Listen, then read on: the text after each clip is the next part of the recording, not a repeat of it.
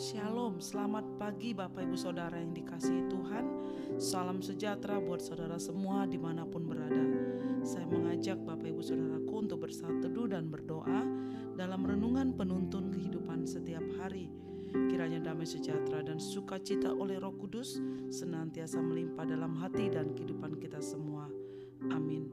Tema firman Tuhan pada pagi hari ini adalah kekuatan doa Ayat bacaan kita terambil dari kisah para rasul 12 ayat yang pertama sampai ayat yang ke-19.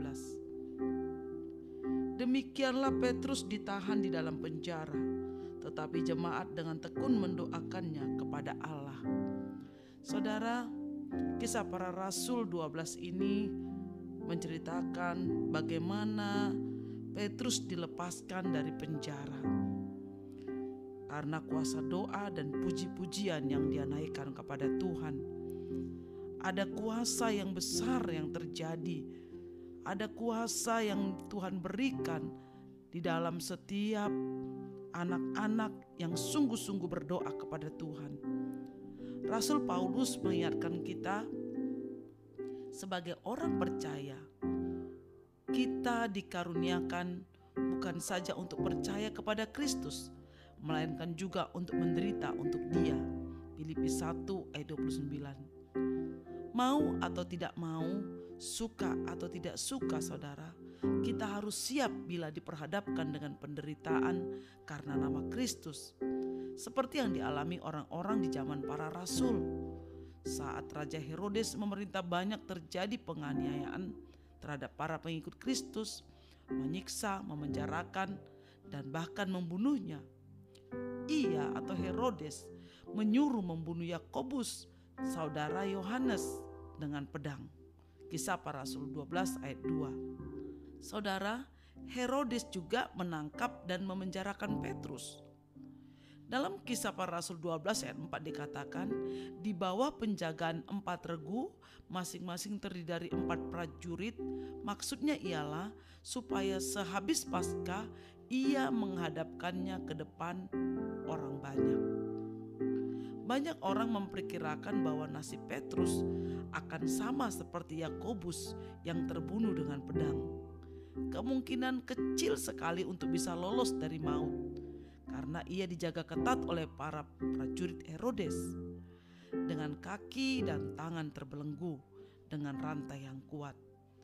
Secara akal manusia, sirna sudah harapan Petrus untuk dapat menikmati kehidupan sebab bayang-bayang kematian sudah tampak jelas di depan mata Petrus. Yang Petrus dapat lakukan hanyalah berseru dan berserah penuh kepada Tuhan dan berharap mujizat Tuhan dinyatakan atas hidupnya. Saudara, mungkin saat ini kita mengalami hal yang sama seperti Petrus, yaitu terbelenggu rantai yang kuat terbelenggu oleh berbagai macam persoalan hidup. Hidup kita seperti berada dalam penjara, nasib berada di ujung tanduk. Namun, apa yang terjadi dengan Petrus kemudian?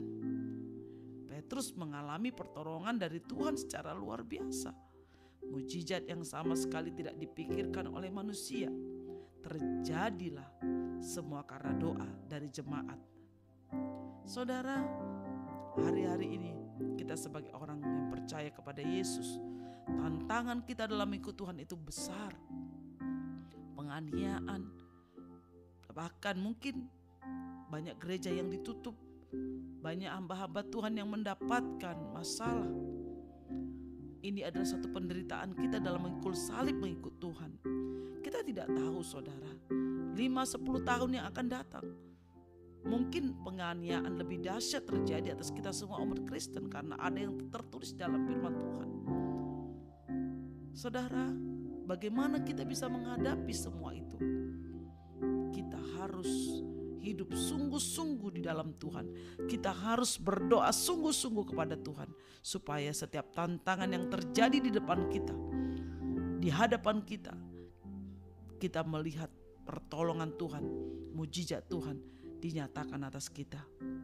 Berdoa dengan sungguh-sungguh dan disertai iman menghasilkan perkara-perkara besar. Doa inilah yang menggentarkan sorga dan menggerakkan tangan Tuhan untuk bertindak. Kisah para Rasul 12 ayat 7 dikatakan, tiba-tiba berdirilah seorang malaikat Tuhan dekat Petrus dan cahaya bersinar dalam ruangan itu. Malaikat itu menepuk Petrus untuk membangunkannya katanya, bangunlah segera. Maka gugurlah rantai itu dari tangan Petrus. Saudara, bukankah ini perbuatan Tuhan yang besar dan ajaib atas Petrus? Kita juga bisa mengalaminya saudara ketika kita berdoa dengan sungguh-sungguh dan kita hidup benar di hadapan Tuhan, mengikuti dan melakukan semua perintah Tuhan, maka kita percaya setiap doa kita mengalami mujizat dan kuasa Tuhan. Doa orang benar sangat besar kuasanya karena Tuhan menjawabnya dari sorga. Amin. Mari kita berdoa. Bapa di surga kami mengucap syukur buat kebenaran firman pagi hari ini. Kami percaya kuasamu Tuhan dulu sekarang tidak pernah berubah. Kami percaya Tuhan Engkau yang senantiasa memberi pertolongan, kekuatan bagi kami dalam kami menjalani kehidupan kami. Tantangan penganiayaan mungkin akan menghadang kami, tapi kami percaya jikalau Tuhan ada bersama kami, maka kami akan mampu dan kami bisa terlepas dari setiap penganiayaan itu dan kami mengalami kemenangan dari Tuhan. Tuhan kuatkan teguhkan hati kami untuk kami terus mengiring dan percaya dan melayani Engkau. Terima kasih Bapa dalam nama Tuhan Yesus kami berdoa dan mengucap syukur haleluya amin. Kiranya berkat yang sempurna dari Allah Bapa kita, kasih karunia dari Tuhan Yesus Kristus dan persekutuan dengan Roh Kudus menyertai kita dari sekarang ini sampai selama-lamanya. Amin. Maju terus dalam tuntunan Tuhan saudaraku, tetap semangat. Sampai jumpa esok hari di penuntut kehidupan setiap hari. Tuhan Yesus memberkati.